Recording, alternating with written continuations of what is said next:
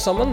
Her er vi tilbake med nok en video fra oss på Betel som vi håper kan være til hjelp og oppbyggelse i kristenlivet ditt, nå som vi ikke kan samles. Hvis du ser denne videoen i dag, denne dagen som vi har lagt den ut, så har jeg bare lyst til å informere deg om at i kveld så ønsker vi å samles til nattverd på Zoom, et sånt eh, videokonferanseprogram. Er du interessert i det, så finner du instruksjoner på Facebook-gruppen vår, Aktive på Betel Nærbø. Det skal også ha blitt sendt ut en e-post. Men la oss gå til Guds ord. Vi skal fortsette i Johannes' åpenbaring, og vi har nettopp gått gjennom kapittel 16, hvor vi leste om Guds endelige vredesdom over all ondskap på jorda. Det var en dom som vi på mange måter så i fugleperspektiv. Og nå i de neste kapitlene, det som vi skal ta for oss nå, så blir det zooma litt inn på forskjellige aspekter ved denne dommen. Og først ut i kapittel 17 og 18 er det som kalles for Babylon den store. Og det er det vi skal konsentrere oss om i dag. Det blir en del stoff, men eh, som vanlig, ikke gi opp. Det kommer en del gode ting og nyttige ting underveis, og vi skal forsøke å ta det stykkevis òg.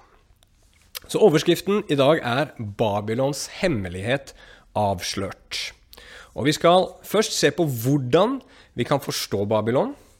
Og så skal vi se på hva Babylon er, og til slutt se på Babylons problem og endelikt.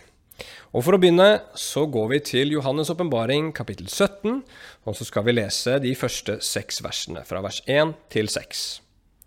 Der står det Deretter kom en av de, av de sju englene som hadde de sju skålene, og talte med meg.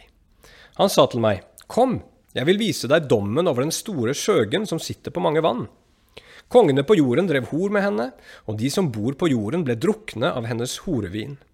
I ånden bar han meg så ut i ørkenen, og jeg så en kvinne sitte på et skarlagenrødt dyr som var fullt av Guds bespottelige navn. Det hadde sju hoder og ti horn. Kvinnen var kledd i purpurrødt og skarlagen og smykket med gull og kostbare steiner og perler. I hånden hadde hun et gullbeger fullt av styggedommene og urenheten av hennes horeliv. Og på pannen hennes var det skrevet et navn, en hemmelighet, Babylon den store, mor til skjøgene og til styggedommene på jorden.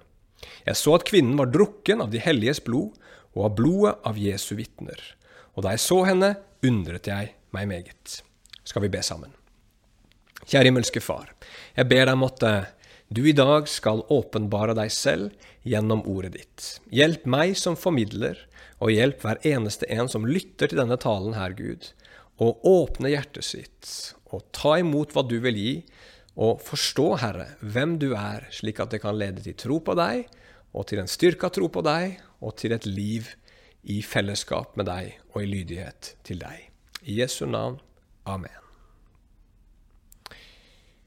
Ok, så Først skal vi snakke litt om hvordan vi kan forstå Babylon. Vi kan jo bli litt forvirra hvis du leser det her for første gang og får høre denne engelen som tar til orde, og som nå sier at nå skal du bli presentert for denne skjøgen, som betyr den prostituerte, eller horen, som det står i noen oversettelser òg, som sitter på de mange, vann. Og da har jo vi aldri, så vidt jeg har sett, fått høre noe om denne skjøgen før. Hvem er hun? Hun presenteres som en som kongene på jorden har drevet hor med, og som har gjort alle mennesker på jorden drukne av sin horevin. Ikke bare er det her ganske forvirrende, men det er sterk kost, og det er sterke ord. Hva i all verden er dette her for noe? Vel, etter hvert som vi leser, så skjønner vi at dette er Babylon den store, som vi allerede har møtt på lite grann i Johannes' åpenbaring. Men jeg tror poenget med å begynne slik, det er å prøve å hjelpe oss til å forstå at Babylon den store har en skjult side. Babylon i Bibelen det er et kjent navn. For det første så eh, blir det brukt om dette tårnet, Babels tårn, som ble bygd på denne, dette stedet da, eh, for veldig veldig mange år siden, og hvor, hvor, menneskeheten da i opposisjon til Gud ville bygge et by og et tårn som rakk like opp til himmelen for å gjøre seg et navn. Men Gud stansa dette her, forvirra språket deres og spredte dem ut i verden. Babylon var også hovedstaden i det babylonske riket, som var en verdensmakt på Bibelens tid, spesielt da i tiden rundt Jeremia f.eks. og Daniel.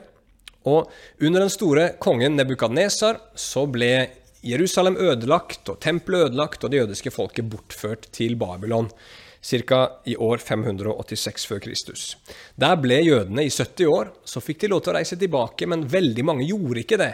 For Babylon var en veldig velstående by, og et sted de sikkert hadde det veldig godt i.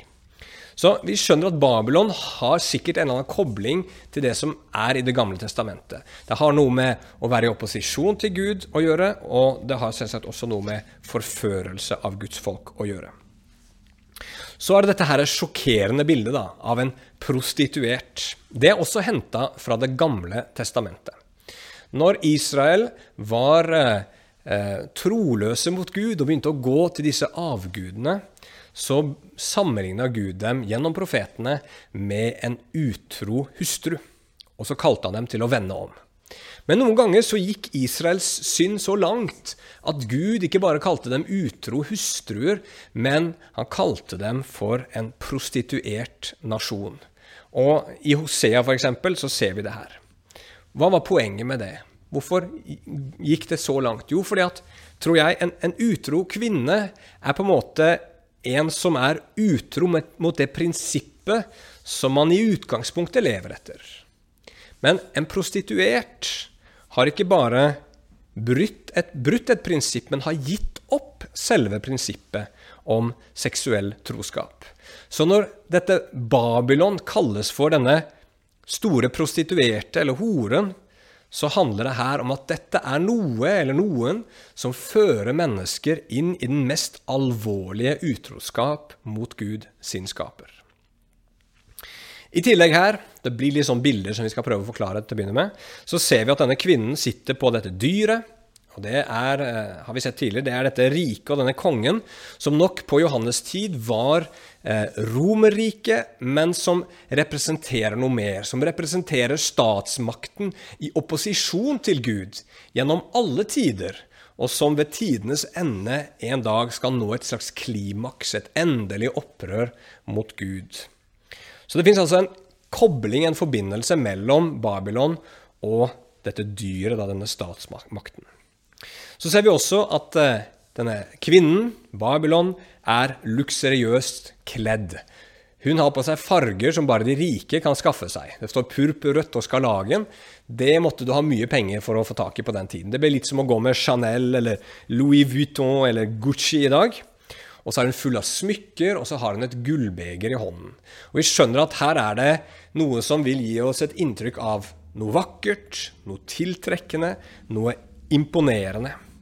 Men så er det også sånn at Babylon har en skjult virkelighet. Hun holder dette gullbegeret i hånden, men det er fullt av styggedom og urenhet. Og i pannen hennes så står det skrevet et navn. Og det var ikke så uvanlig i Roma på den tiden at prostituerte hadde navnet sitt skrevet på pannen. Og her står navnet hennes at, at, det en, at, det er en, hemmelighet, et mysterium først og fremst. Og at det er Babylon den store, mor til skjøgene og styggedommene på jorden. Så Babylon, hvem nå enn hun er, er opphavet til all åndelig utroskap mot Gud på jorda, og opphavet til alt stygt og ondt. Og hun er også da, som vi leser her, er skyld i drapet av kristne, og, og blir til og med berusa av det. Syns du det her er merkelig? Vel, da er du ikke alene. Det står at selv Johannes undrer seg veldig når han får se disse bildene framfor sine øyne. Og Vi skal straks bruke tid på å snakke om hvem dette er. Men før vi gjør det, så tror jeg det er viktig at vi prøver å si litt om hvordan vi kan forstå hvem hun er. For det er helt tydelig her at Babylon har et ytre og et indre som er forskjellig. Det er noe som er synlig, og noe som er skjult. Babylon hun er en som beruser og som forfører. og Derfor er det ikke så lett å se klart når man ser Babylon. Så hvordan kan vi forstå hvem Babylon er? Jo, vi må begynne der hvor denne engelen fører Johannes, tror jeg. Han blir nemlig i ånden, står det, tatt ut i ørkenen eller i ødemarken. Det er nemlig sånn at det fins en del ting som blir veldig annerledes bare du ser dem fra en annen vinkel. Hvis du ser på en flue i et mikroskop, så må det være eh, sikkert en litt skremmende opplevelse. Men når du ser det som en sånn mørk flekk på et vindu, så er det noe helt annet. Eller hvis du ser f.eks. Nord-Korea fra utsiden, så er det et helt annet perspektiv enn å se det landet fra innsiden. Så ørkenen, det er det stedet som Gud tar Johannes for at han skal få et rett perspektiv på Babylon, for å kunne forstå hva Babylon er. Og dit må vi også. Og hva representerer ørkenen? Vel, det er noe som går en del igjen i Bibelen. Her var Israel i 40 år. Her eh, ble Elia kalt da han var motløs. Her drev Johannes døperen sin tjeneste, og her begynte også Jesus sin tjeneste. Og ørkenen tror jeg representerer to ting. For det første så er ørkenen tørr og livløs. Når man kommer ut i ørkenen, så er det et sted hvor vi på en måte blir edrue fra verdens beruselse. Det som kultur og samfunn fyller oss med daglig av tanker og inntrykk og verdier og lengsler. Det er på en måte et sånt fasten sted hvor vi endrer perspektiv, og vi begynner å tenke, og dermed også begynner å forstå ting på en annen måte. Så det er den ene siden ved det. En annen side som går igjen i Bibelen, er at ørkenen nettopp er et sted hvor man møter Gud. Så Bibelen lærer oss, og det er ikke bare her, men det er en generell ting Bibelen lærer oss, at skal du virkelig forstå verden, forstå verden sånn som den virkelig er, så må du avvennes fra verdens beruselse, og så må du møte Gud og få et nytt hjerte. Da først så kan du se klart på denne verden. Og det minner oss jo om hvor utrolig viktig det er at vi har fellesskap med Gud. At vi lever nær Gud. At vi har kanskje litt sånn tørt fellesskap med Han noen ganger. Sånn at vi kan se på verden rundt oss med de rette øynene. Ok, da går vi til punkt nummer to. Hva er Babylon? Og Da fortsetter vi med å lese fra Johannes' åpenbaring, kapittel 17, og nå leser vi vers 7 til 18. Men engelen sa til meg, Hvorfor undret du deg? Jeg skal forklare deg hemmeligheten med kvinnen og dyret som bærer henne, og det som, det som har de sju hodene og de ti hornene. Dyret som du så var og er ikke, og det skal stige opp fra avgrunnen og gå til, bort til fortapelse. Og de som bor på jorden skal undre seg, de som ikke har sine navn skrevet i livets bok fra verdens grunnleggelse av, når de ser dyret som var og ikke er og likevel er. Her er den forstand som har visdom. De sju hodene er sju fjell som kvinnen sitter på. De er også sju konger. Fem er falt, den ene er nå, og den andre er ennå ikke kommet. Og når han kommer, skal han bare være en kort tid. Dyret som var og ikke er, er selv også den åttende, og er av de sju som går bort til fortapelse. De ti hornene som du så, er ti konger som ennå ikke har fått noe rike, men de får myndighet som konger i én time sammen med dyret. Disse har én og samme tanke, og de gir sin makt og myndighet til dyret.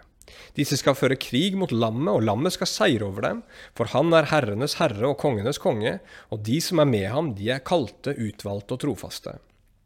Så sa han til meg, Vannet som du så hvor skjøgen sitter, er folk, skarer, folkeslag og tungemål. Og de ti hornene som du så på dyret, disse skal hate skjøgen og gjøre henne naken og forlatt, ete hennes kjøtt og brenne henne med ild. For Gud har lagt ned i hjerten deres å oppfylle Hans hensikt, og ha én og samme tanke, å gi riket sitt til dyret inntil Guds ord er oppfylt. Og kvinnen som du så, er den store byen som hersker over kongene på jorden. Endelig. Nå skal vi få svaret fra engelen. Nå skal vi bli forklart hva hemmeligheten med Babylon er for noe. Så hva er Babylon? Vel, er det den katolske kirke, sånn som noen sier, eller er det en slags uh, framtidig superkirke, en endetidskirke, hvor de forlater Guds ord og blir fullstendig frafalne? Vel, det er de som tenker det, men jeg ser veldig lite i den teksten her som kan tas til inntekt for at dette her skal være en slags skjøgekirke, som noen kaller det. Babylon er en by, som vi ser i vers 18. Men før vi kommer så langt som til vers 18, så bruker englene en del tid på å forklare mer om dette dyret. Vi skal prøve å ikke bruke så veldig mye tid på det, siden vi allerede har hatt en tale om det. Men det som er viktig her å forstå, det er at det fins en kobling mellom Babylon og dette dyret. Dette dyret, som sagt, vi har hørt om det, det stiger opp fra avgrunnen. og eh, det, det, får makt en kort tid, og så går det bort til fortapelse. Men på tross av det så kommer verden til å bli fascinert av dette dyret og følge det. Men så blir det ganske komplisert i teksten her. For det dyret har sju hoder, står det. Og disse syv hodene eh, er sju fjell som kvinnen sitter på. Ok? Så Babylon sitter på syv fjell. Vel, det vi vet i hvert fall, er at byen Roma, hovedstaden i Romerriket, ble grunnlagt eller var bygd på sju fjell. Men så er disse syv hodene da, som dette dyret har, også sju konger.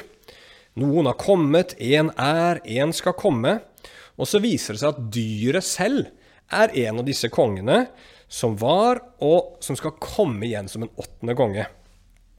Hva i all verden er det her? Vel, Skal jeg være helt ærlig med deg, så vet jeg faktisk ikke helt. Jeg har kikka litt på forskjellige tolkninger, og det er noen som hevder at dette her er det snakk om de forskjellige verdensrikene i historien. Noen mener at det her er eh, romerske keisere, og kanskje spesielt den ganske forferdelige eh, romerske keiseren Nero. Noen påstår at det er Hitler her i, i, i noen av disse bildene. Eh, det er ikke klart, men poenget som sagt, det fins en forbindelse mellom Romerriket og denne byen Babylon. Så står det også at dette dyret da har ti kroner. Og disse ti kronene står for ti konger som en dag skal få makt sammen med dette dyret. Bare en kort tid, én time, står det her. Og Her virker det som vi nå er i hvert fall inne i endetiden, og at to viktige ting skal skje. For det første så skal dyrene og disse ti kongene gå til krig mot lammet. Det vil si Jesus, og så skal de bli beseira.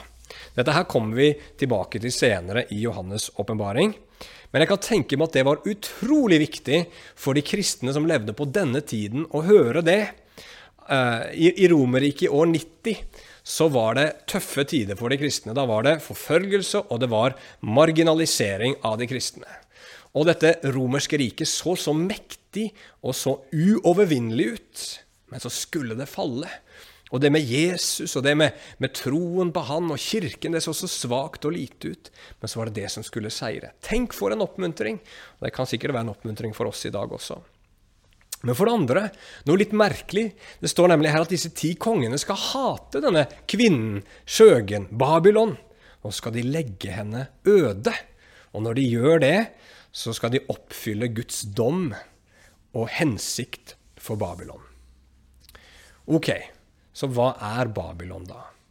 Vel, dette er det jeg klarer å forstå. Babylon identifiseres nok antageligvis her på en måte med Roma på Johannes sin tid. Og Det var jo senteret for handel og kunst og kultur og underholdning og vitenskap og alt i den verden som han levde i. Eh, Roma det var en by selvsagt som var sterkt knyttet til det romerske riket, og den var på mange måter avhengig, men også Roma var også selvstendig på mange måter. Eh, så her blir det litt sånn da, at det finnes en tydelig kobling mellom Roma og det romerske riket. Og på samme måte som dyret på en måte er det romerske riket, men samtidig er noe mer, så er nok også Babylon her Roma på en måte, og samtidig noe mer. Dyret kan vi si på en måte er verdens ånd, uttrykt gjennom statsmakten i opposisjon til Gud, mens Babylon er verdens ånd uttrykt gjennom menneskehetens sivilisasjon eh, i opposisjon til Gud. I opposisjon til Gud, ja. Og som oftest da konsentrert rundt de store byene. Ikke sant? Det er der menneskets sivilisasjon har sine sentre. Hvis du reiser til London eller Paris eller New York eller Los Angeles, hva er det du finner der da? Jo, der finner du sentre for finans og sentre for teknologi og for kultur. Det er her de multinasjonale selskapene holder til. Det er her filmene blir laga. Det er her mote og duppeditter blir klekka ut. Det er her du får tak i det siste nye. Og det er her mennesker også reiser for å få drømmene sine oppfylt. Og hva er galt med det? Vel, på én side så er det jo ingenting galt med det. Eh, produksjon og handel kan være gode ting. Kultur og teknologiutvikling er ikke negativt i seg selv. Men når det skjer uten Gud, og i opposisjon til Gud, så blir det galt alt sammen. Så på en måte så kan vi kanskje si at dyret, hvis vi setter det på spissen, så er dyret liksom i sitt verste eh, verste uttrykk uhemmet kommunisme, på en måte. Mens Babylon i sitt verste uttrykk kan være eh, uhemmet kapitalisme. Og vi vet at begge deler historisk sett har ført til mye ondt i verden. Så nå skal vi prøve å grave litt dypere ned i Babylons problem, hva som er problemet med Babylon, og Babylons endelikt. Og For å gjøre det så begynner vi med å lese det som står i Johannes' åpenbaring kapittel 18 og vers 1-24. Der står det Etter dette så jeg en annen engel som kom ned fra himmelen. Han hadde stor makt, og jorden ble opplyst av hans herlighet. Og han ropte kraftig med høy røst og sa, Falt, falt er den store Babylon, og hun er blitt et bosted for demoner, et fengsel for hver uren ånd, og et bur for hver uren og forhatt fugl. For alle folkeslagene har drukket av hennes horelivs vredesvin. Kongene på jorden har drevet hor med henne, og kjøpmennene på jorden er blitt rike ved overfloden fra hennes luksus. Og jeg hørte en annen røst fra himmelen som sa, Kom ut fra henne, mitt folk, for at dere ikke skal bli delaktige i hennes synder, og for at dere ikke skal få noen av hennes plager. For syndene hennes har nådd helt til himmelen, og Gud har husket hennes gjerninger. Gi henne igjen, slik som hun ga dere, og betal henne dobbelt tilbake etter hennes gjerninger. I det begeret som hun blandet, skal dere blande dobbelt opp for henne. I den grad hun har herliggjort seg selv og har levd i luksus, i samme grad skal dere gi henne plage og sorg. For hun sier i sitt hjerte, jeg sitter som dronning, jeg er ingen enke, og jeg skal ikke se sorg. Derfor skal hennes plager komme på én dag, død og sorg og hungersnød, og hun skal bli fullstendig oppbrent med ild, for sterk er Herren Gud som dømmer henne. Kongene på jorden som har drevet hor med henne, og som har levd i luksus med henne, skal gråte og klage over henne når de ser røyken når hun brenner. De skal stå på avstand av frykt for hennes plage og si, Ved, ved den store Babylon, den mektige byen, for på én time er dommen din kommet. Og kjøpmennene på jorden skal sørge og gråte over henne, for ingen kjøper varene deres lenger. Varer av gull og sølv, kostbare steiner og perler, fint lin og purpur, silke og skalagen, all slags sitrontre, alle slags gjenstander av elfenben, alle slags gjenstander av de mest kostbare treslag, bronse, jern og marmor, kanel og røkelse, velduftende olje og virak, vin og olje, fint mel og hvete, kveg og sauer, hester og vogner og menneskers kropper og sjeler. Frukten som din sjel lengtet etter, er blitt borte fra deg, og alle de ting som er kostbare og strålende, er blitt borte fra deg, og du skal aldri finne dem mer. De som handler med disse ting, de som ble rike ved henne, skal stå på avstand av frykt for hennes plage og gråte og klage. Og de sier, Ved, ved den store byen som var kledd i fint lin, purpurrødt og skarlagen og smykket med gull og kostbare steiner og perler. For på én time ble hele denne store rikdommen ødelagt. Hver skipsfører, alle som reiser med skip, Sjømenn og alle de som har sitt arbeid på havet, sto på avstand, og de ropte da de så røyken fra hennes brann, og sa, Hva er som denne store byen? De kastet støv på hodet og ropte, gråt og klaget og sa, Ved, ved denne store byen, hvor alle som har skip på havet, ble rike ved hennes rikdom, for på én time har hun blitt lagt øde.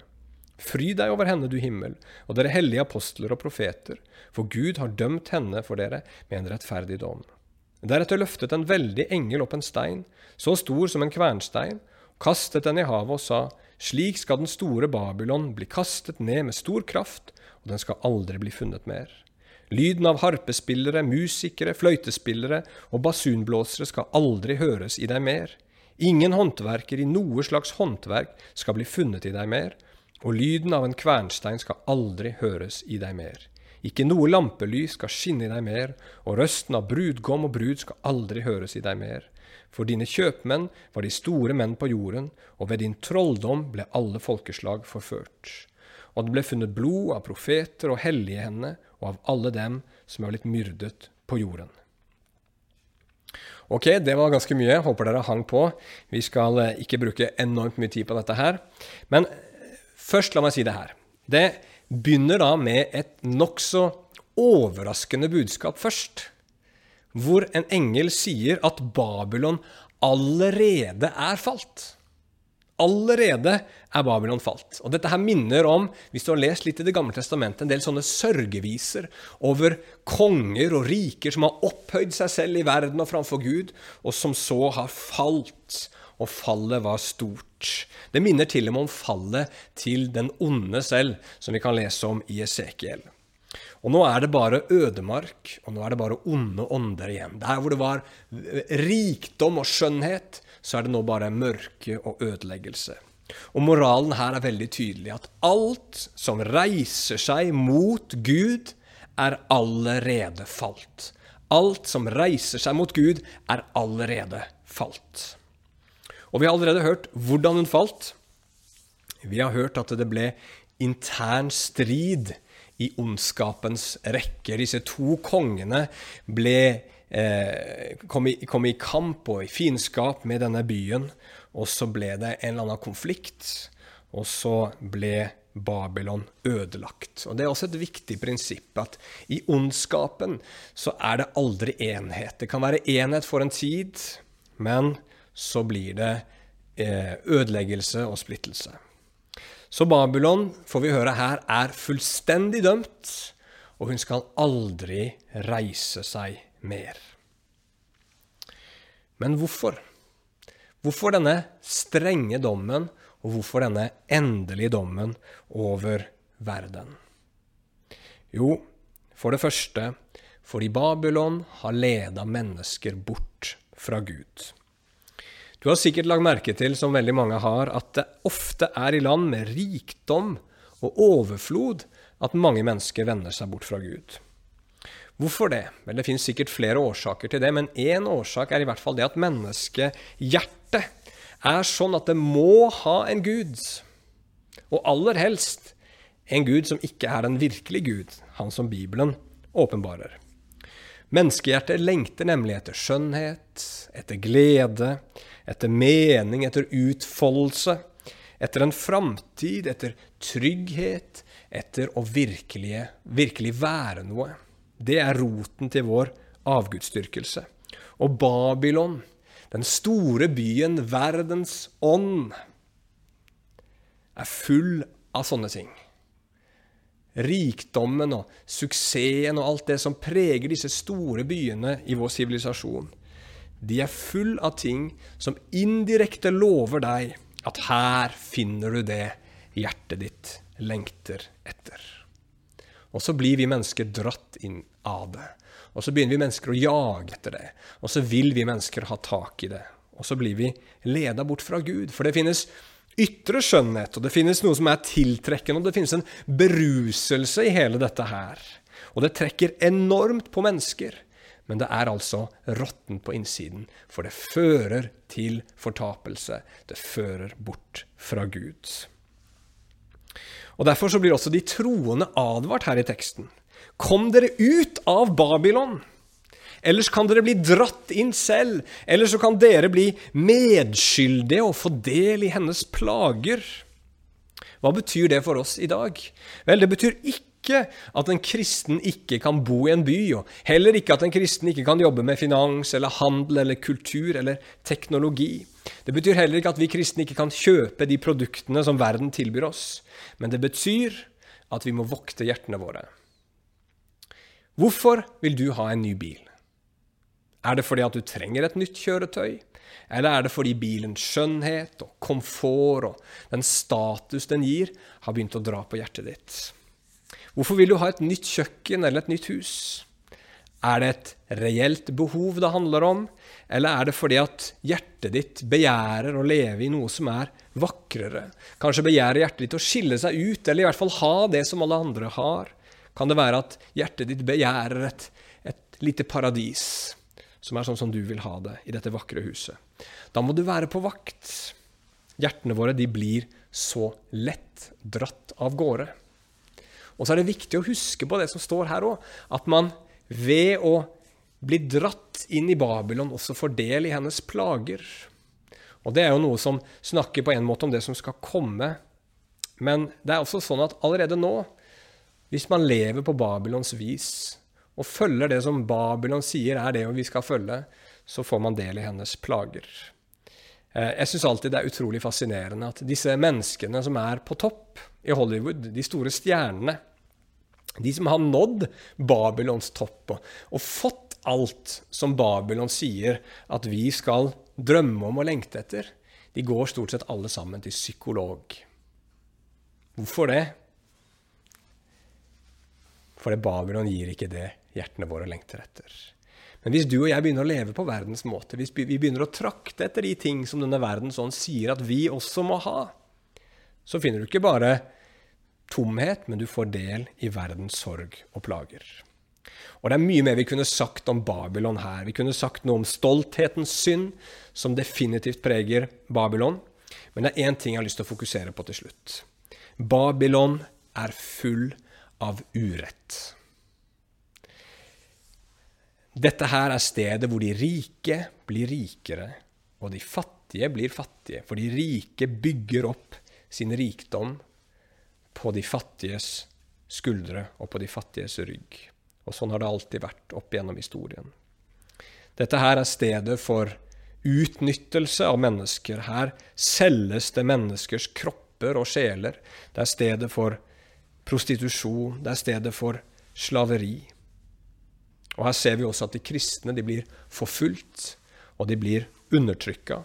Og det er også stedet hvor det blir funnet blod fra alle de som blir myrda i verden, står det. Dette her er et sted som flyter over av urett. Og Du skal få se at jo mer vår kultur beveger seg i den retningen der og forlater den kristne grunnvollen, så vil dette her bli mer og mer en realitet. Hvorfor det? Jo, for at i Babylon i Babylons ånd og vesen så elsker man ting, og så bruker man mennesker. I Babylon så elsker man ting, og så bruker man mennesker. Men i Guds rike så er det helt motsatt. Der elsker du mennesker, og så bruker vi ting. Og så kommer det en dag ved verdenshistoriens ende at Babylon, alle verdens Store byer og store sivilisasjoner har fylt begeret fullt med sin synd. Og da kommer Gud til å dømme, og Guds dom kommer til å være rettferdig, og den kommer til å være endelig. Det er mye mer vi kunne sagt, og dette er kapitler som sikkert hadde fortjent en mye dypere og grundigere gjennomgang. Men la meg avslutte med å si noen siste ord til oss i dag. For det første, Gud vil at du og jeg skal se klart. Han vil at du og jeg skal se at alt det som virker vakkert og tiltrekkende, og det som denne verden lovpriser, skjuler en annen virkelighet. Og det er det som er Babylons hemmelighet. Denne verden lover oss de tingene som bare Gud kan gi. Og hvis du søker det der hvor verden sier at du skal finne det, så vil du ikke bare finne tomhet, men du vil finne mørke, du vil finne ondskap, og du vil bli leda inn i total ruin og fortapelse. Det er sannheten om Babylon. Men det Bibelen oppfordrer oss til, det er heller å se på korset. Korset har ingen ytre skjønnhet og prakt i det hele tatt. Korset er en dårskap. Det er idioti i menneskers øyne. Men korset er virkelig det stedet hvor Gud gir deg det hjertet ditt tørster og lengter etter. Da Jesus døde for dine synder på korset, så åpna han veien inn til det sanne livet, hvor du finner mening, hvor du finner glede, ja, men ikke bare det, hvor du også blir et nytt menneske som elsker rettferdighet, som faktisk lærer av dette som vi snakka om, å elske mennesker og bare bruke ting. Og så leder Jesu kors, Jesu død, oppstandelse deg inn til et sikkert og trygt håp for all evighet. Du og jeg står på et valg. Og det valget står vi på hver eneste dag. Babylon, denne verdens ånd med alle sine fristelser og, og, og tomme løfter. Det ser vakkert ut, det er tiltrekkende, men det skjuler tomhet og død og smerte. Og så har vi Jesus. Han ser ikke så vakker ut, han ser ikke så imponerende ut. Det er ikke et navn som, som, som, som mennesker liksom blir imponert over å høre. Han døde på et kors. Han blir latterliggjort av mange i dag i verden. Men Jesus, han skjuler noe. Han skjuler noe som er så vakkert, noe som er så skjønt, som er så levende.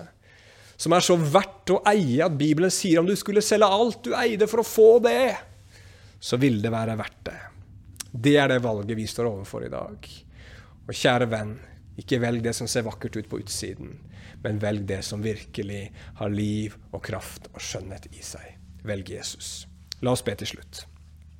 Kjære himmelske Far. Jeg takker deg. Jeg takker deg, Gud, for at det som Babylon ser ut til å tilby det ytre, men aldri kan gi, det gir du oss. Ja, mangedobla det, Herre. Du gir mennesker noe som er så vakkert, så godt, så skjønt, så nydelig, Herre, at vi bare har smakt litt av det nå, vi som har fått kjenne deg. Men jeg ber om at du må åpne øynene til de som hører på nå.